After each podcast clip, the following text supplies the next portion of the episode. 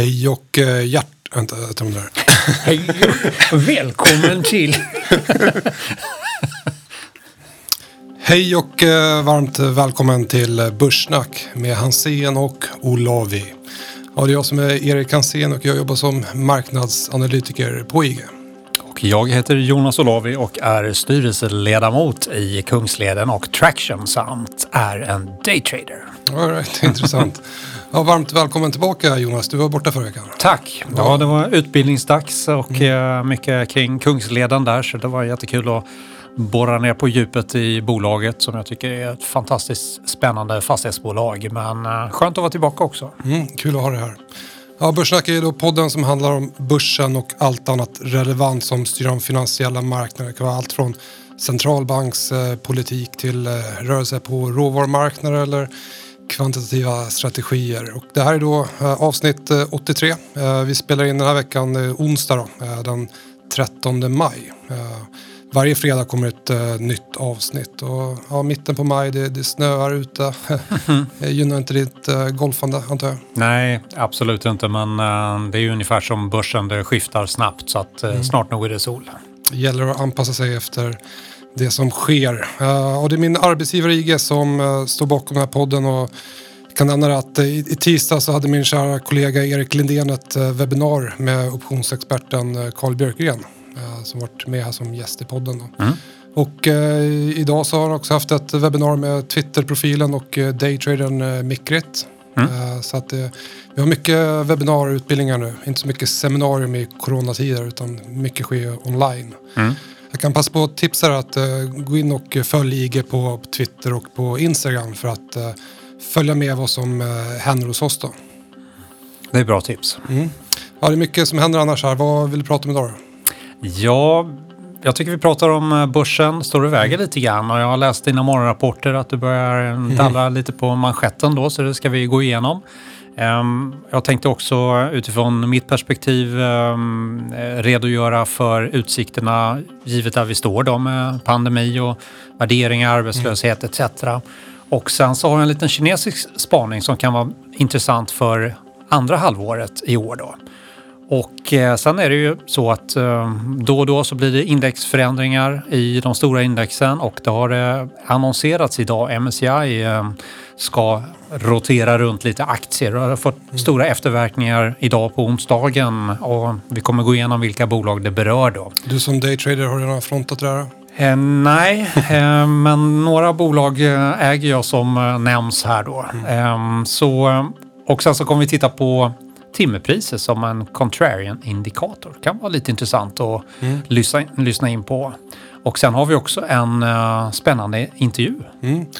Medgrundaren och uh, forskningschefen på Investec, Geir Linneloken. Så att, det blir ett jätteintressant samtal där med honom. Han har ju forskat om teknisk analys i många, många år. Mm. Och, och, vet då vad som man kan använda som, som hjälpmedel i, början av börskarriären så är det vanligt att försöka hitta det som fungerar. Mm. Uh, men uh, jag ska säga att det är ingenting som fungerar utan allting är bara hjälpmedel.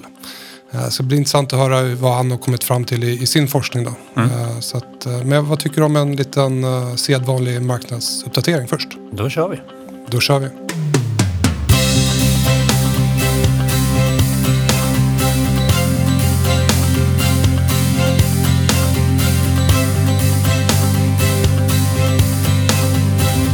Börssnack med Hansen och Olavi. Ja, Jonas, eh, aktiemarknaden har eh, tappat lite kraft här i uppgången eh, senaste veckorna. Det, mm. det känns som att investerare slits mellan de här positiva beskeden att ekonomier öppnar upp. Mm. Å andra sidan har vi de här negativa makroutsikterna. Det är katastrofala makrodata som, som kommer in här. Mm. Uh, min modell som jag har på en till tre månader taktiskt där, den har ju ändå varit positiv sedan början på april. Då. Just det.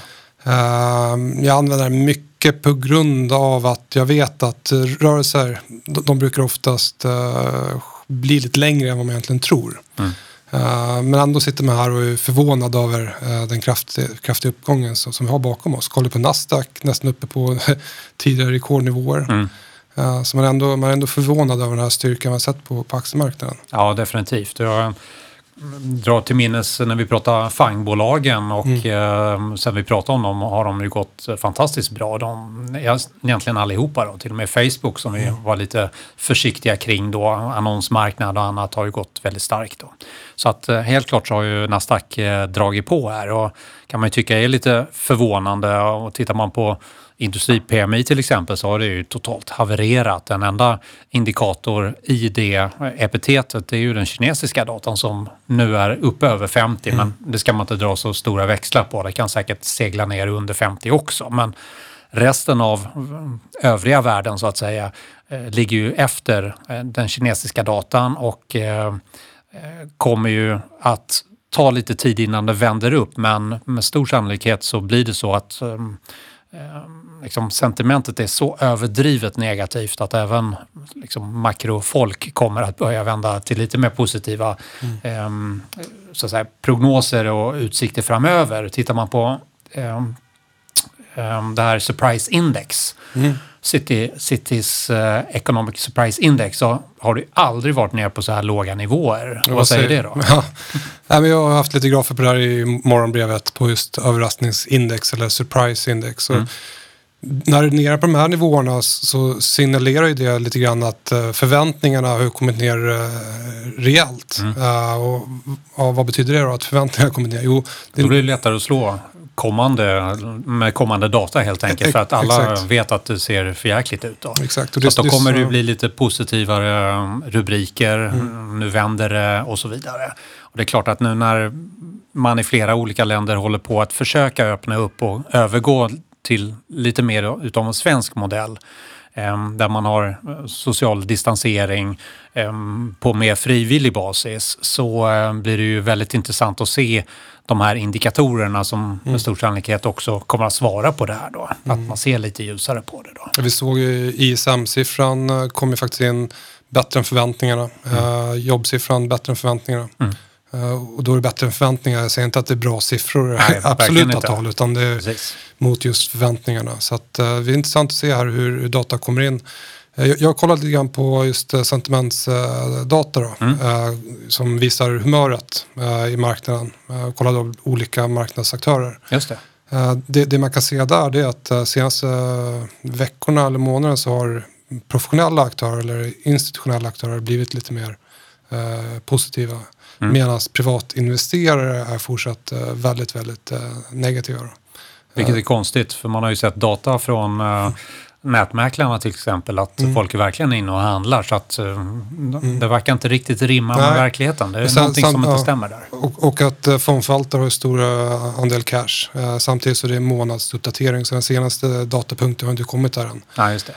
Eh, Men, men det, det jag kollar på där det är olika typer av put-call ratios och uh, sentimentsenkäter. då. Eh, det finns ju put-call ratio för, som exkluderar uh, hedgningar i, i marknaden då, som professionella aktörer använder sig av. Mm. Och den är då på lite lägre nivå som visar att som pri- privatpersoner i USA då, inte har blivit lika positiva ändå. Okej. och kolla på den här AAII-serven. Mm.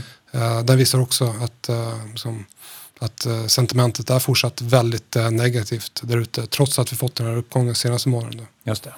Så det är ändå ett tecken på att det, det kan finnas lite mer att hämta på uppsidan innan de här sentimentsindikatorerna liksom skriker sälj. Mm. Eh, De gör inte det nu, många uppe på neutrala nivåer.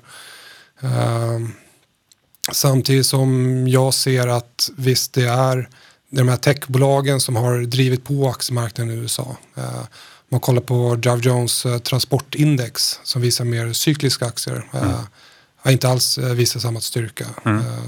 Så där vill jag gärna se att även den typen av aktier med lite mer cyklisk karaktär återhämtar sig Just det. starkare. Lite svaghetstecken där. Mm. Jag tänker lite grann på hur jag själv har handlat då, för jag har haft en ganska försiktig approach. Jag vill att mina pengar ska Mm. finnas kvar och helst växa lite grann, så att jag är väldigt försiktig när jag handlar. Tar inte stora positioner då, men jag har senaste två veckorna köpt på styrka. Mm. Ehm, nu de senaste dagarna har jag märkt att det inte riktigt går på samma sätt längre och det är ett litet varningstecken. Det gäller inte alla aktier, det ska man komma ihåg. Och jag, när jag sitter och tittar på börsen idag som är ner äm, än så länge då när vi spelar in det här vid 14-tiden ehm, på onsdagen så äh, har min portfölj klarat sig väldigt bra så jag har liksom valt en bra mix i alla fall. Då.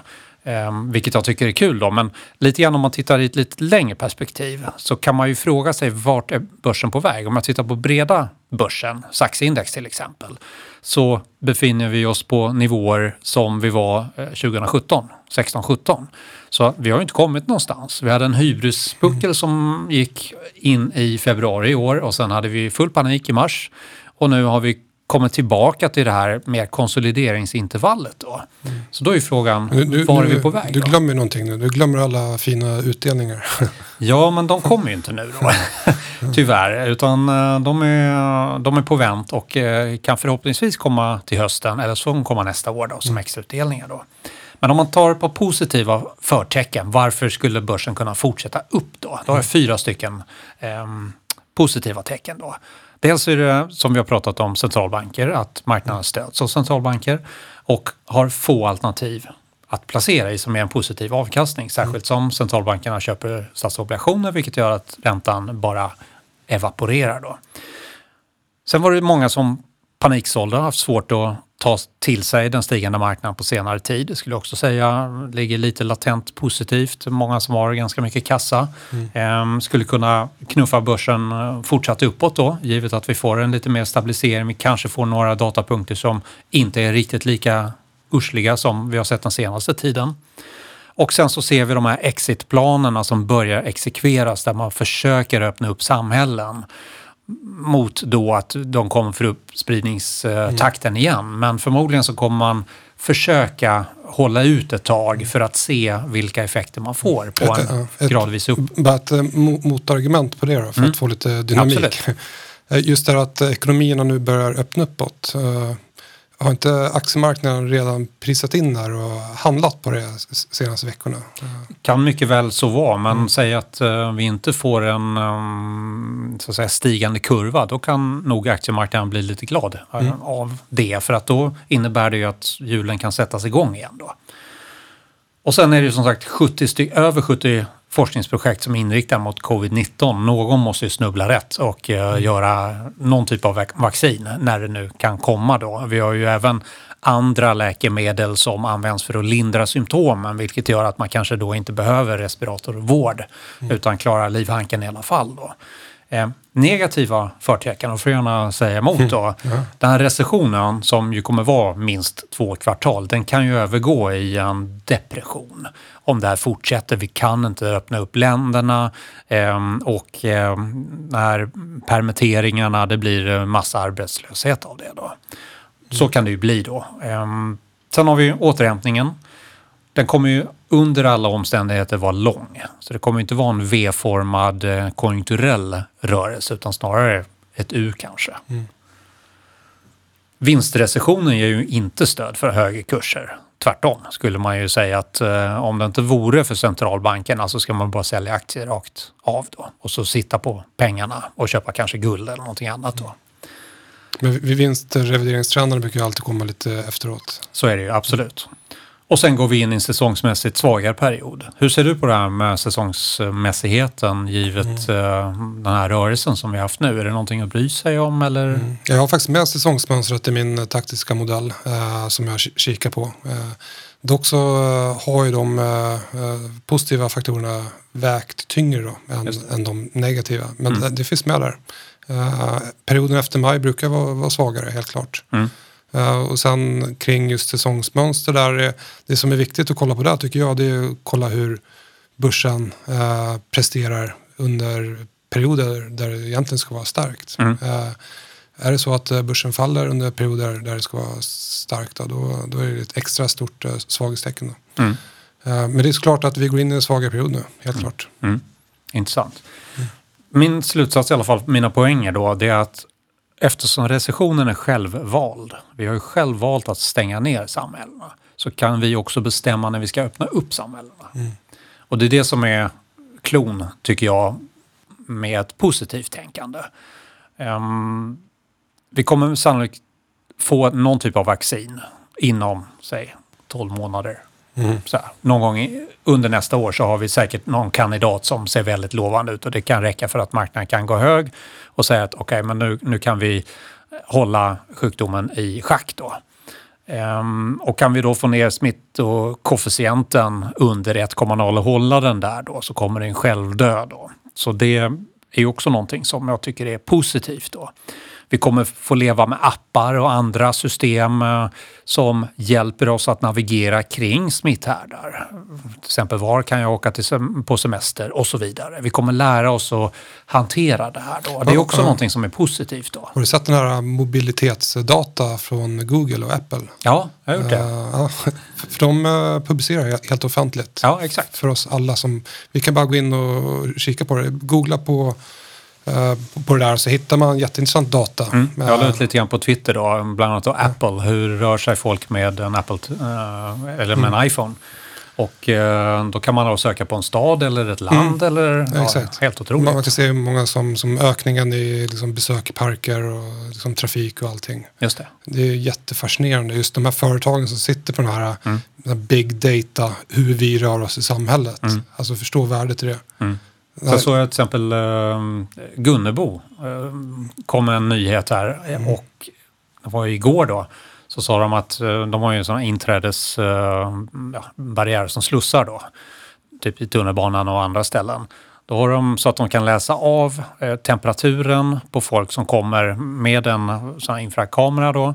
Med en eh, noggrannhet på plus minus 0,3 grader då. wow. Så har du feber så kommer du inte in, då öppnas inte slussarna. Har du inte munskydd på dig på de ställen där det krävs munskydd, då kommer du inte in, för det tar den också liksom och känner av. Och sen så har de en lösning där när man går förbi slussen så får man en uh, förutbestämd liten klick med uh, ja, handsprit då. Så ehm, det där kommer ju säljas som smör tänker jag för Gunnebo då. Verkligen.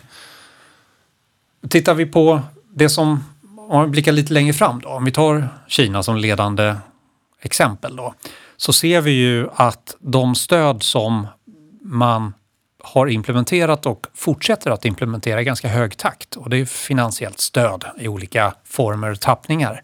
Så ser vi också att det har en väldigt tydlig följsamhet med makrodata, med PMI-data och så vidare.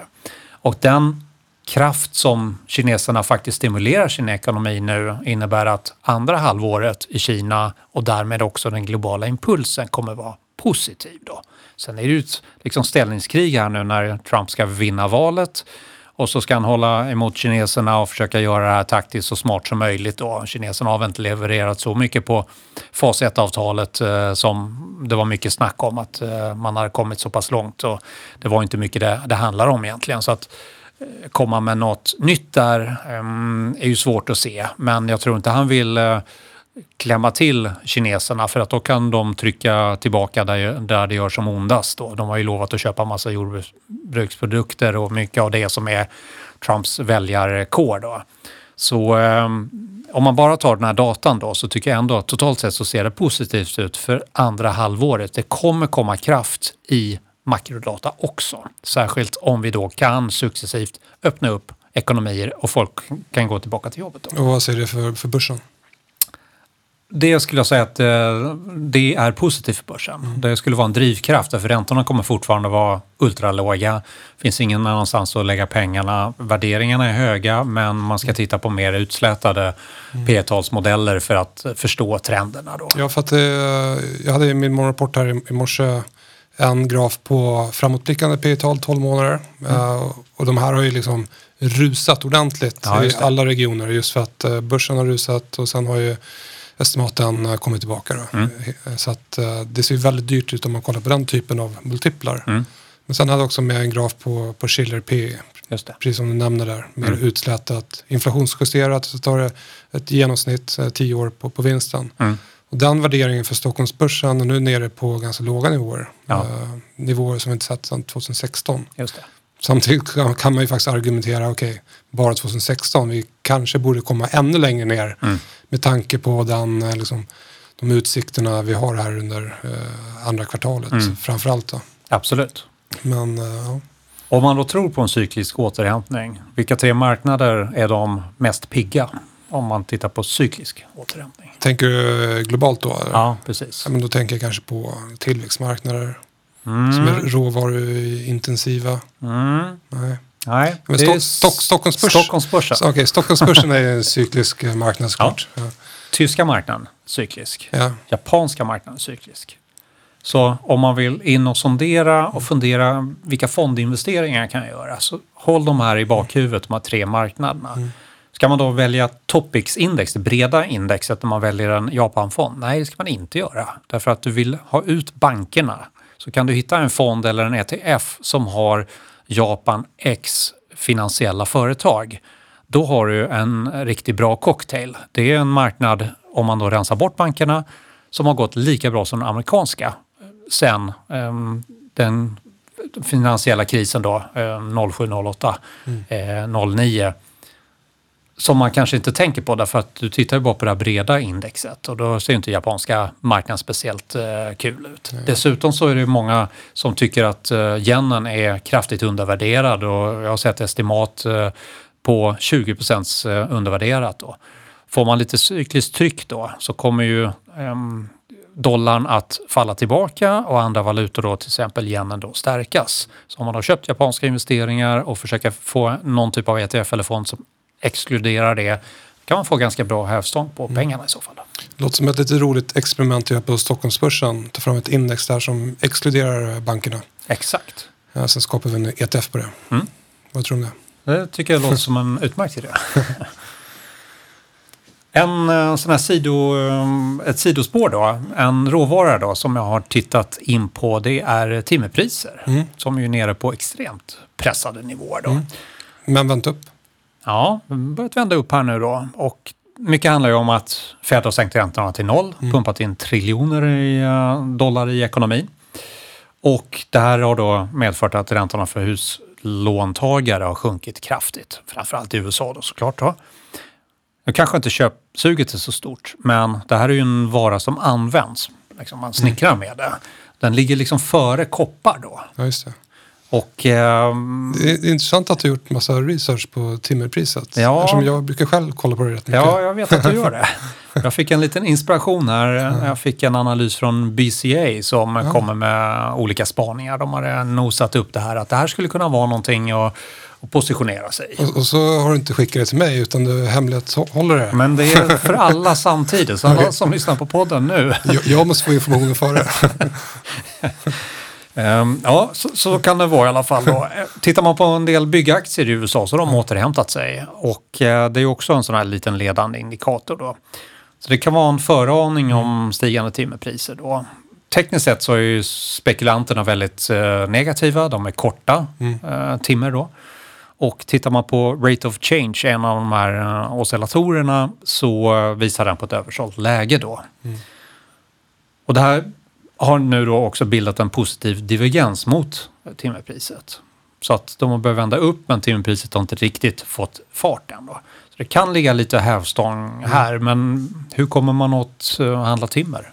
Har du något förslag? Idé? s- Större aktörer handlar ju på terminsmarknaden. Sen finns det olika typer av derivat som följer timmerpris och eh, andra råvaror. Eh, du kan handla ja, på, på IG då. Eh, min arbetsgivare så, så handlar man derivat då, som, som följer antingen spotpriset på timmer eller eh, terminspriser. Då. Just det. Eh, så där kan man gå in och kolla. Såklart läsa på ordentligt innan och Mm. vara noggrann med, med riskhantering och sådär såklart. Just det. Men för jag, jag skrev lite grann om timmer här i veckan just för att jag noterade att priset bröt uppåt. Mm.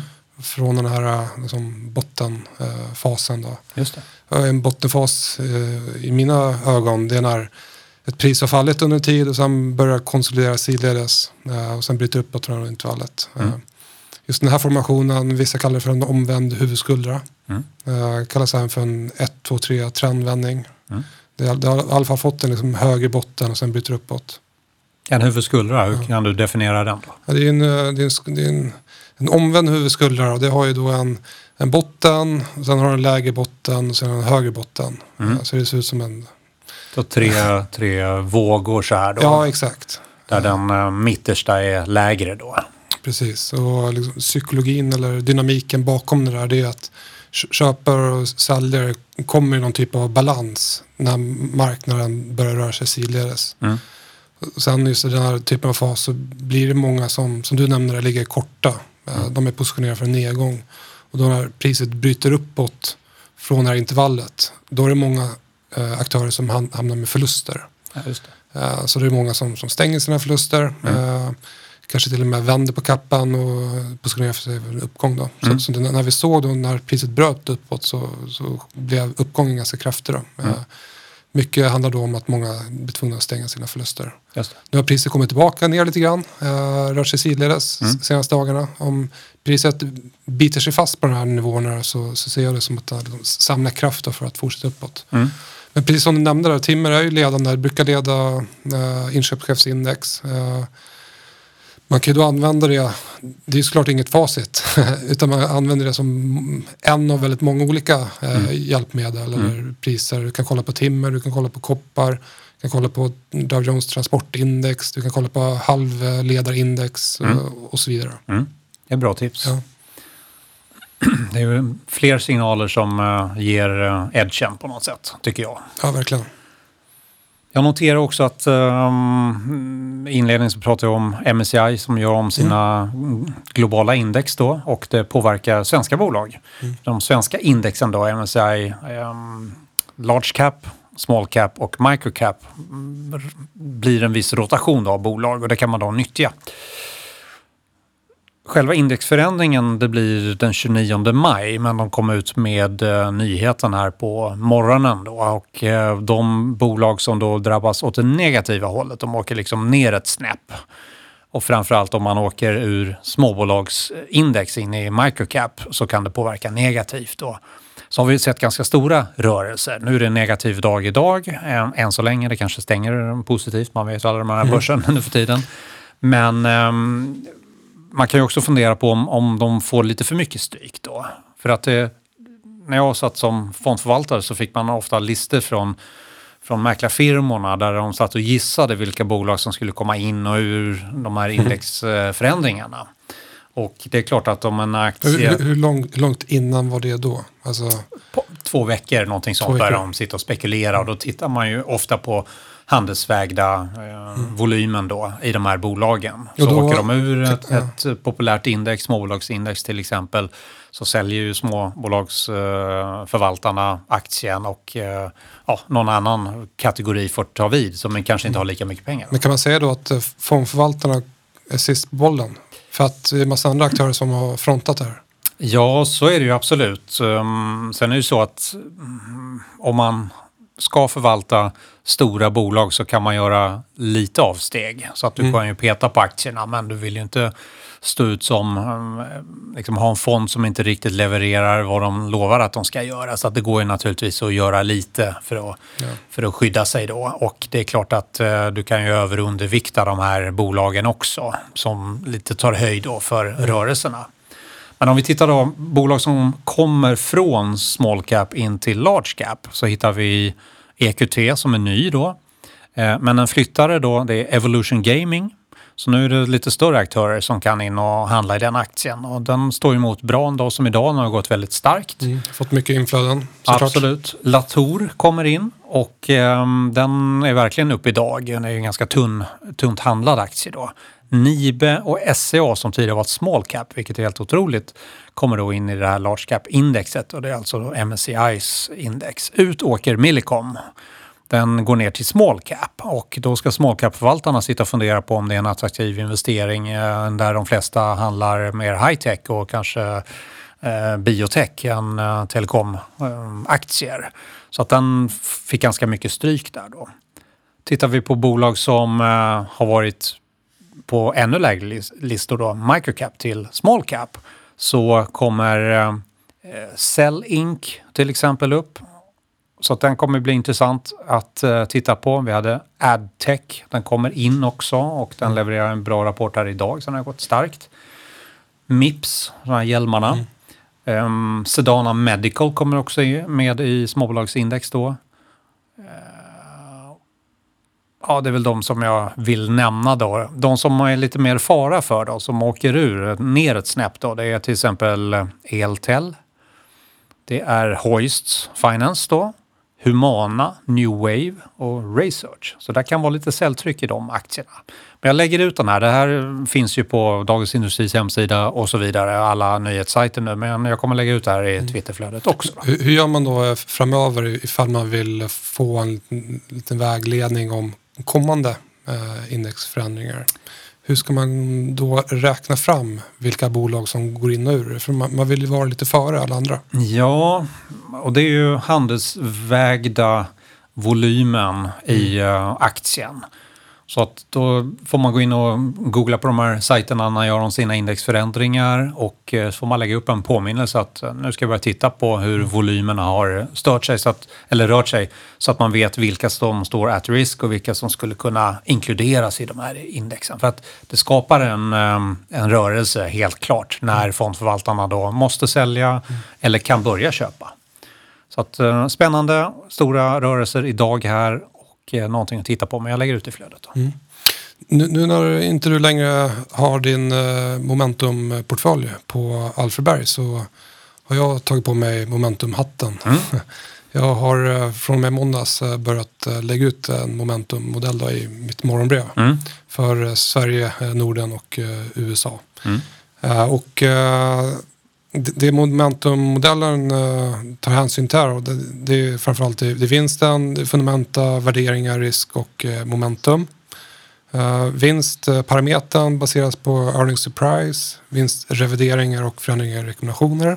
Mm, tycker jag är bra. Ja, sen har jag fundamenta då, det baseras på det fyra olika faktorer. Det är lönsamhet, skuldsättning, kvalitet, vinster och utdelningen. Mm. Sen har vi värderingsparametern. Den baseras på massa olika värderingsmultiplar som eh, trailing P, forward P, eh, PEG-talet och eh, price sales. Sen kollar den även på femårssnittet då för aktien och sektorn. Sen har jag riskparameter som baseras på det lite volatilitet, beta och korrelation mot index. Sen sista parametern där, det är momentum då. Och det är två tekniska faktorer. Det är relativ styrka som väger 70 procent och sen har jag säsongsmönster som väger 30 procent i den här. Mm. Uh, och sen väger jag ihop de här, tar ett genomsnitt på det, normalfördelare och så rankar jag dem från 1 till 10 och så lägger ut de här i morgonrapporten. Då. Mm. Och högst upp uh, för, för svenska bolag så ser vi, vi ser Bygghemma, vi ser uh, Sweco, Swedish Match, Instalco, Getinge, Avanza, Castellum, Holmen, eh, Handelsbanken faktiskt och så vidare. Eh, kollar vi på USA så har vi faktiskt Facebook högt upp. Ja, eh, intressant. Vi sätter även Apple, Ebay, Adobe, Oracle, många fina bolag där. Så här kan man gå in och kika och få lite inspiration. Då. Mm. Såklart inga köprekommendationer utan ändå liksom, inspiration på bolag som man kan kika närmare på. Just för mm. att de visar bra momentum i fundamentala och tekniska faktorer. Mm. tycker jag var väldigt bra. Mm. Bra kopia då på min eh, modell. Exakt. ja, men det är jättesnyggt. Hur ofta kommer den ligga ute då? Eh, varje dag. Men ja, fantastiskt. Den, den, den, uppdateras inte, inte varje dag utan uppdateringen sker ett par gånger i veckan. Då. Ja. Eh, men den ligger i morgonrapporten varje dag. Helt otroligt. Mm. Fantastiskt. Du, eh, ska vi inte prata med Investec? Det gör vi.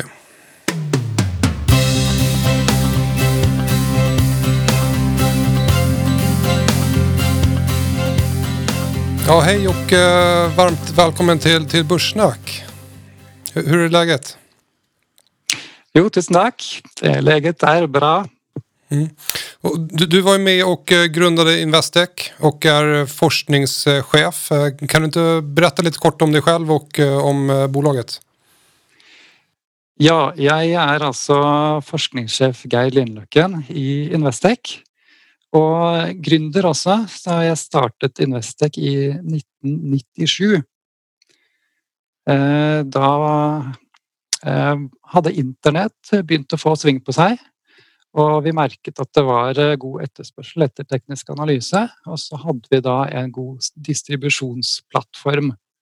Og tidligere så var det jo sånn at teknisk analyse ble eh, printet ut på papir og sendt ut i posten gjerne til abonnenter.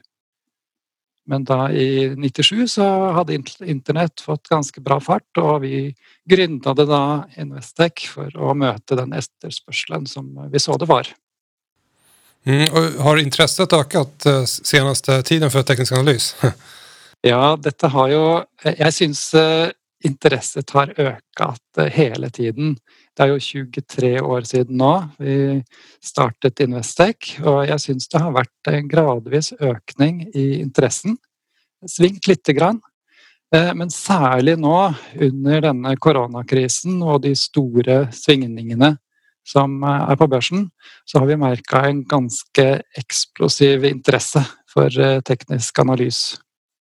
Hur var det i början Geir, ehm, när ni började med era utskick? Sågs teknisk analys som någonting eh, konstigt, någonting man helst inte befattade sig med?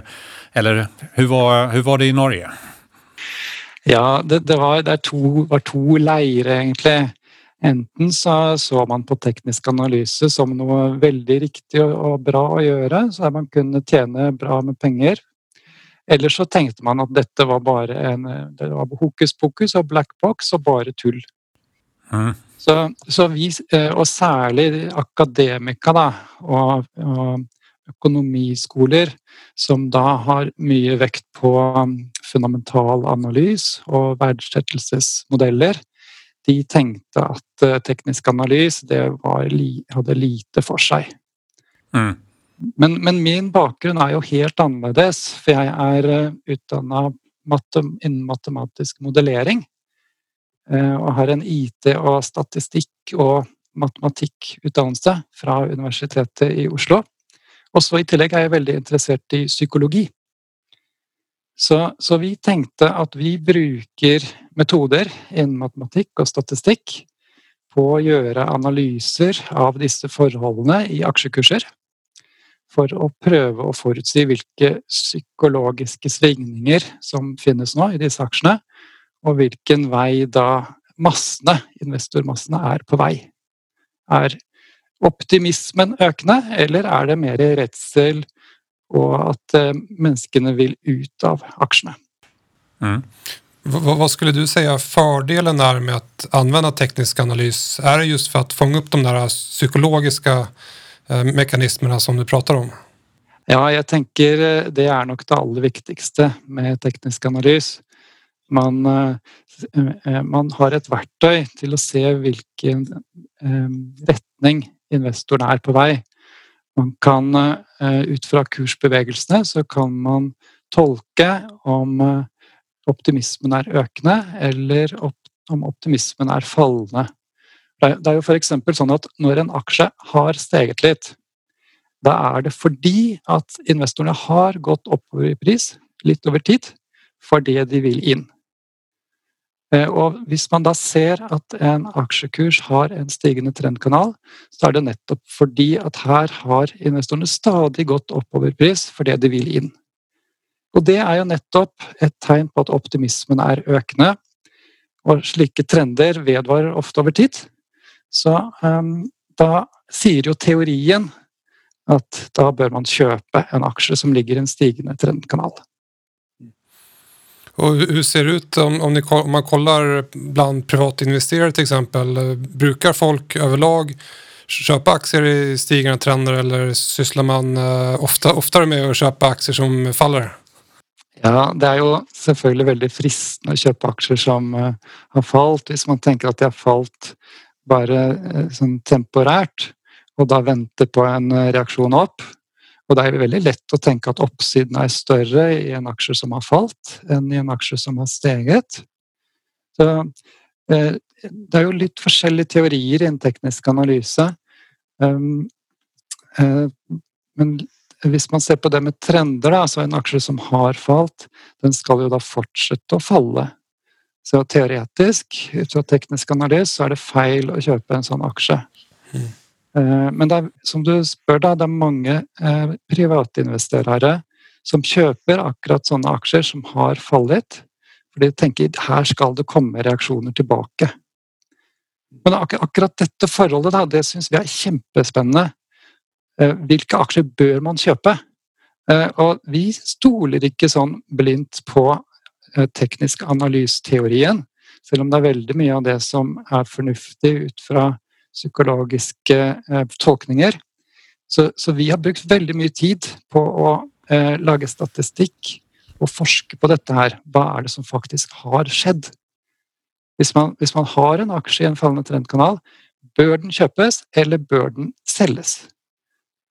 Så, så vi eh, Kanskje det sto, største forskjellen fra Investec og mange andre analytikere, det er at vi jobber med veldig eh, fokus på forskningen og statistikken. Eh, og så tenker vi jo at eh, eh historien gjentar seg. Sånn at eh, hvis vi kan finne gode statistiske sammenhenger, så tenker vi at da vil det gjelde framover også. Så eksempel aksjer i fallende trendkanaler, eh, de har fortsatt å falle. Eller fortsatt å gjøre det svakere. Så, ja, så att uh, starka aktier, starka bolag fortsätter ofta att uh, fortsätta leverera medan uh, svaga aktier eller bolag som har problem fortsätter ofta att gå svagt. Då. Är, är det så jag tolkar det? Ja, det er helt mm. riktig. Ja. Um, bare gi et eksempel, da. Ja. Aksjer i stigende trendkanaler. Det er jo eh, vi, har, vi lager algoritmer da, sånn at matematikken definerer om det er en stigende trendkanal eller ikke i en, en aksje. Og så har vi da sett hva har skjedd med aksjer som har ligget i stigende trendkanaler.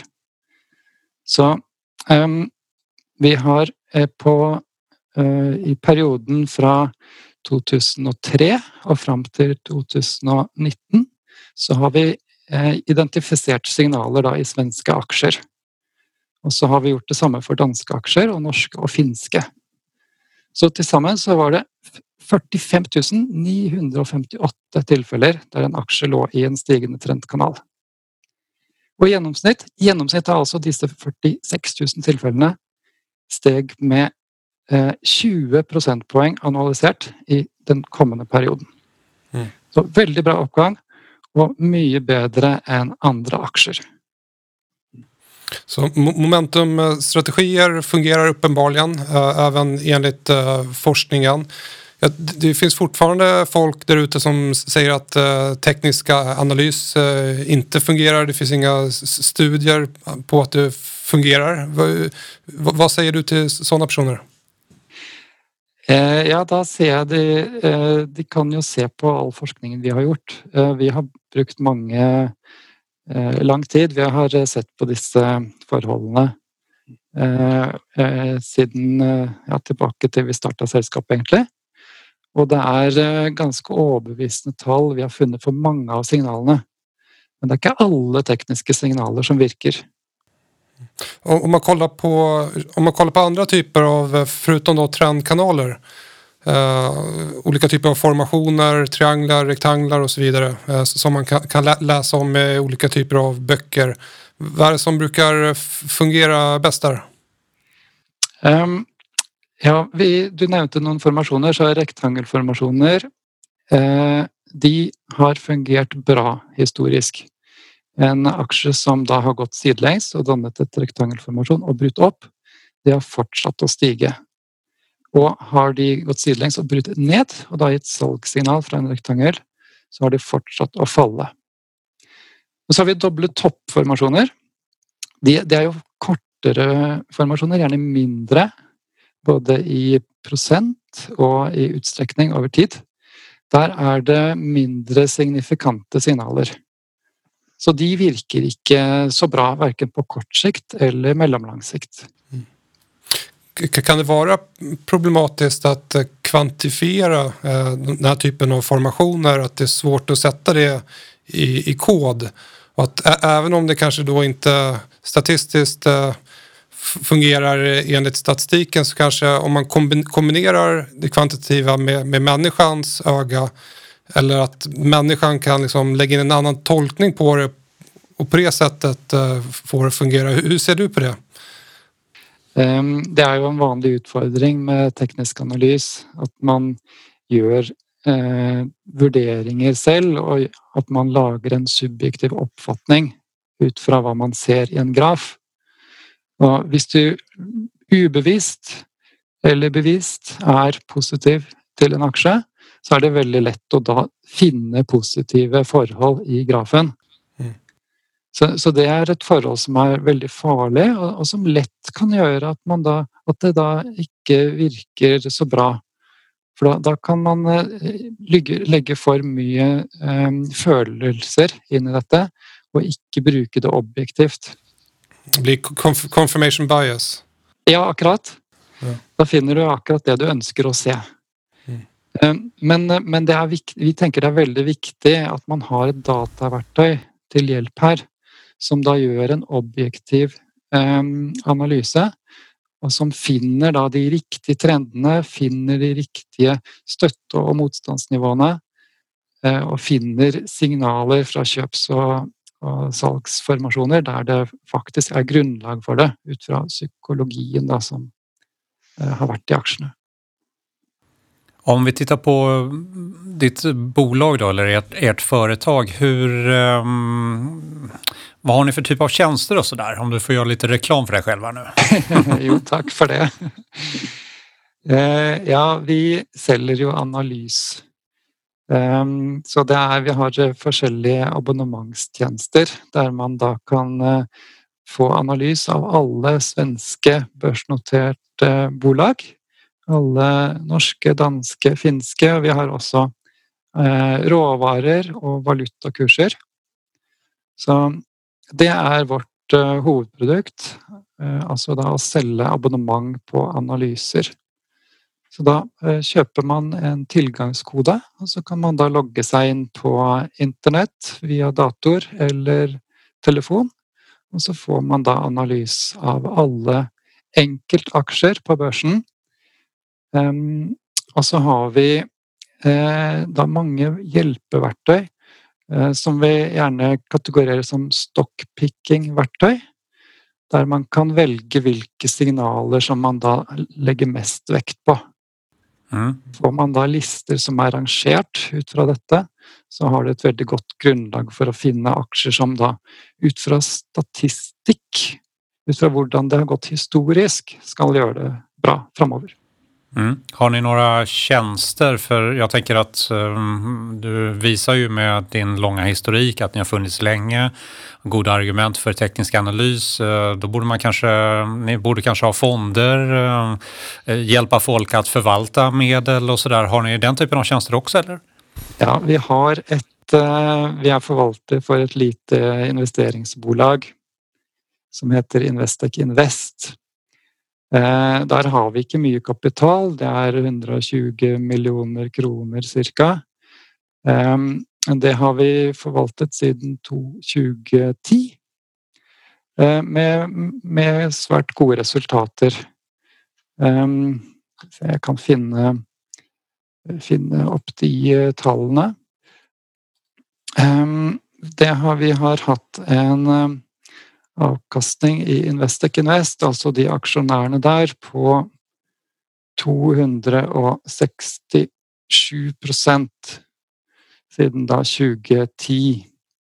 Mens referanseindeksen har gått 141% Så det er jo en god meravkastning i forhold til markedet. Eh, så vi tenker at eh, den forskningen som vi gjør, og den statistikken da, som ligger på, til grunn for eh, analysene til Investec, som vi da selger abonnement for, den også har da vist seg å fungere i praksis gjennom dette da, investeringsselskapet. Mm. Då tänker jag osökt på, men varför eh, är det inte du som förvaltar eh, oljefonden då? ja, sant. Ja. Jeg kan godt ta den jobben også. Ja, absolutt. Ja, nei, det er klart, ønsker, det er jo lite, lite volum foreløpig, men vi ser på måter å få dette ut eh, i, i bredere marked. Det er en utfordring med nye Mifid-regler som gjør at det er vanskelig for oss å markedsføre det nå. Men vi, vi ser på muligheter för att komma bredare ut. Mm. Och, och, och för, förutom då just analysera priset så, så vet jag att ni även kikar på säsongsmönster, ni kikar på eh, alltså insynshandel. Eh, kan du inte berätta lite grann vad forskningen säger om just eh, insynshandel? Jo, det, är, det ska jag göra. Insiders, det är ju människor som har speciell kunskap om bolagen. Gjerne direktører, VD, finanschef eller eh, at de sitter i styret. Eh, når de kjøper eller selger bolag, så må de jo rapportere til Finansinspeksjonen. Eh, og det som vi tenker, det er at når de menneskene kjøper en aksje da, tar det eksempelet først, så gjør de det fordi de vil tjene penger, som de fleste andre. Så sitter de på god kunnskap om markedet og bolaget, og de tenker kanskje nå er prisen gunstig, vi tror kursen skal stige. Det så vi spesielt mye av nå under koronakrisen. Kursene falt jo mye på børsen i løpet av mars, og samtidig så eksploderte innsidekjøpen. Vi har aldri noen gang sett så mange innsynshandler som det ble meldt da. Det var ungefær tre ganger så mye som vanlig i Sverige, og fire ganger så mye som vanlig i Norge. Så, og nesten alle som handlet, de kjøpte. Så da var det mange som tenkte disse aksjene de er straffet for hardt. Kursen har falt for mye. Det er ikke grunnlag for det store fallet. Nå er det billige aksjer å kjøpe. Jeg kjøper. Har de köpt, köpte de hela, hela vägen ner till botten eller köpte de framförallt i början av nedgången och sen eller liksom, hur såg det ut? Eftersom nedgången blev ändå rätt djup där. De köpte väldigt fint i V-en. De köpte okay. på väg ned, köpte på bånn och de har också köpt lite efter. Okay. Och också de sista eh, dagarna, sista veckorna har det varit något handel. Men nå har det vært mye mindre, eh, og litt på, på grunn av at mange sitter på insiderinformasjon i forbindelse med kvartalsrapporteringen, for da har de jo ikke lov til å handle. Men eh, vår, eh, vi har forsket på dette også, så det er jo interessant å se hvordan har aksjer der det har vært innsynskjøp gått i forhold til andre.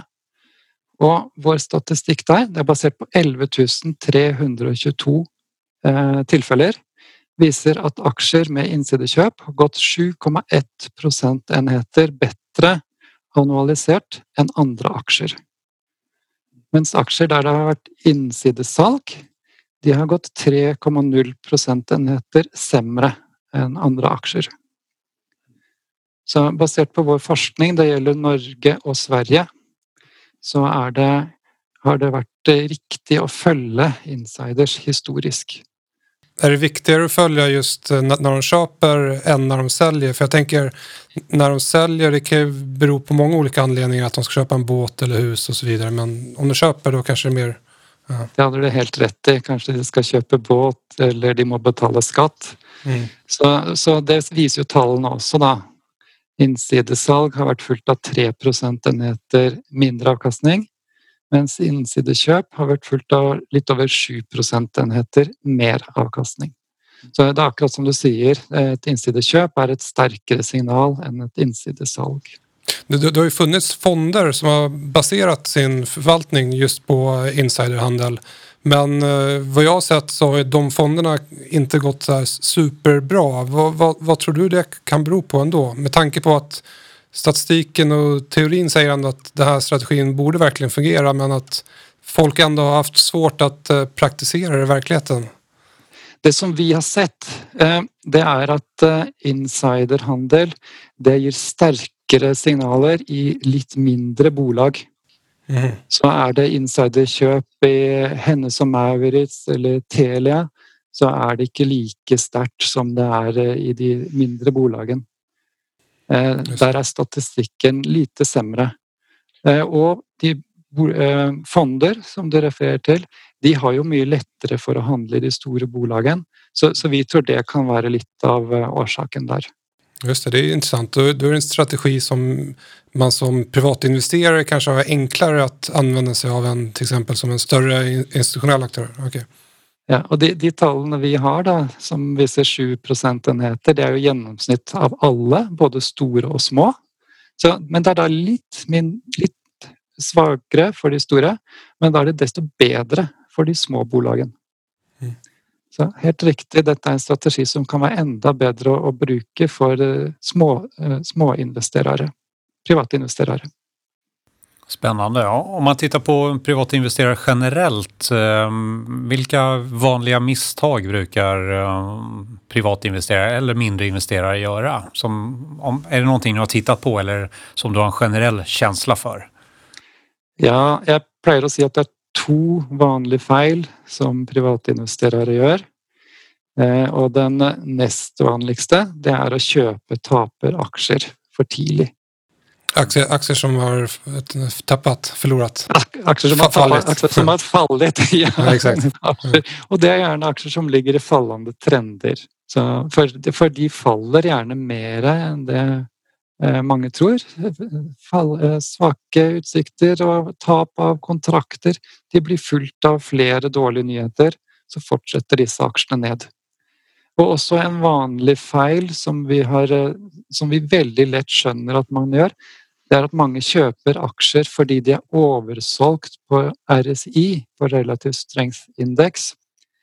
For det er jo en- ifølge eh, teknisk analyseteori så er jo det en god strategi. Kjøpe aksjer med låg RSI, gjerne hvis RSI har fallet under 30. Eh, Men Investec forskning viser at det er et godt salgssignal, faktisk. Aksjer med låg, låg RSI de fortsetter bare å falle. Det er va- vanlig å, å, å kjøpe taperaksjer for tidlig, og aksjer med negativt momentum, med låg RSI, det, det mener vi er en, en veldig vanlig feil som eh, privatinvesterare gjør. Och eh, aktier då med ett högt RSI-värde. Ja, Eh, fortsätter de då att eh, stiga eller är det liksom en varningssignal att RSI är hög?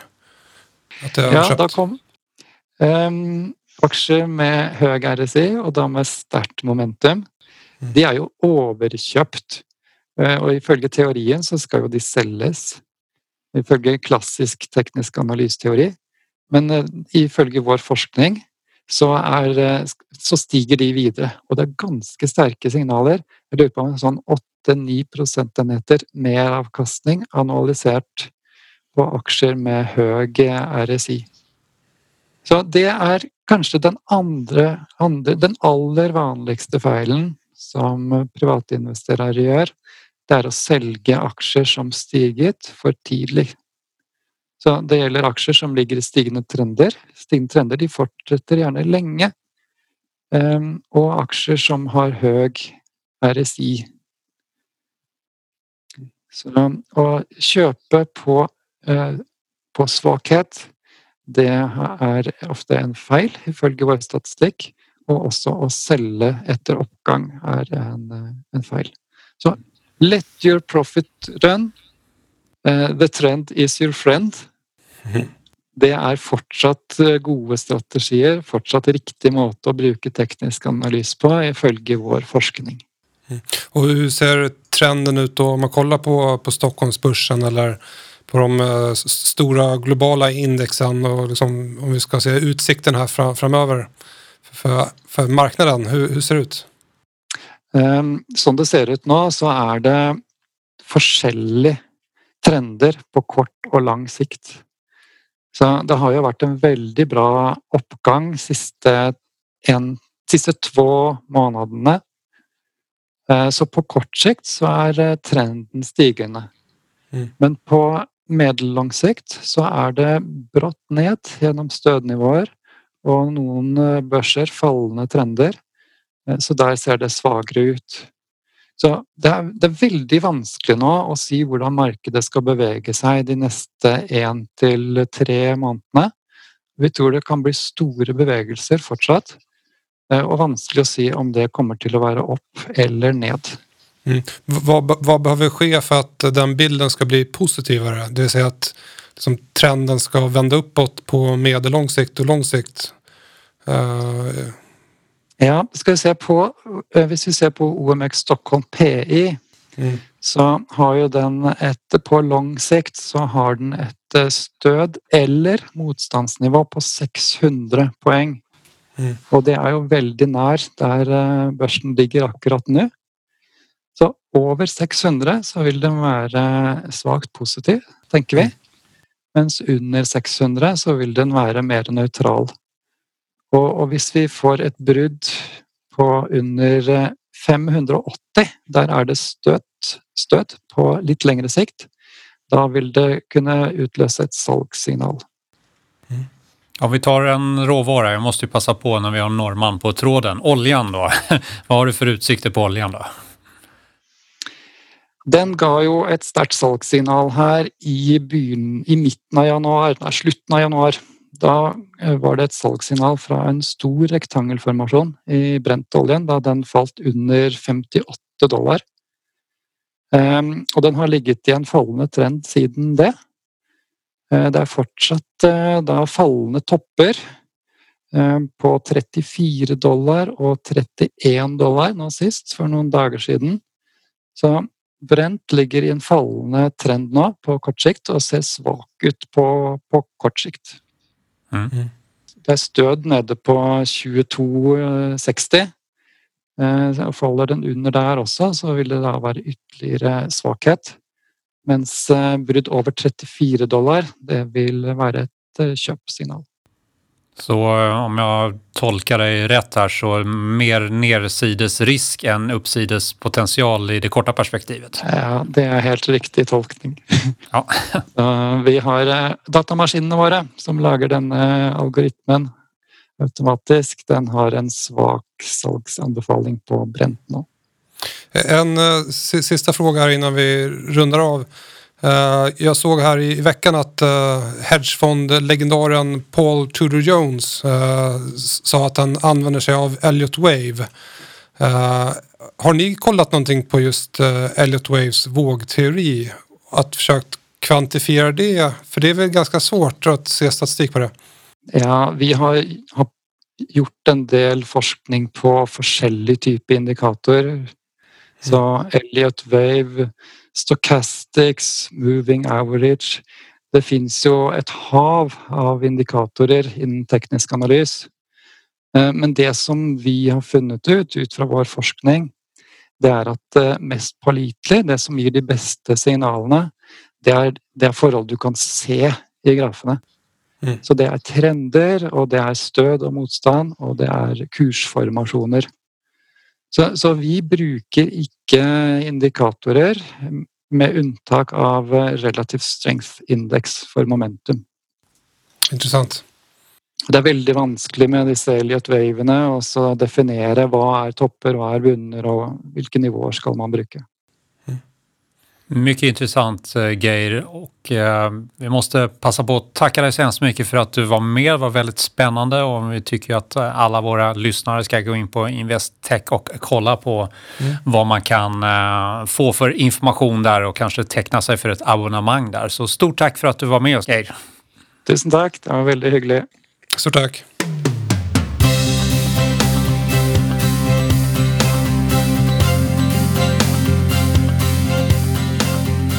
Så Erik, hur ska vi sammanfatta dagens avsnitt?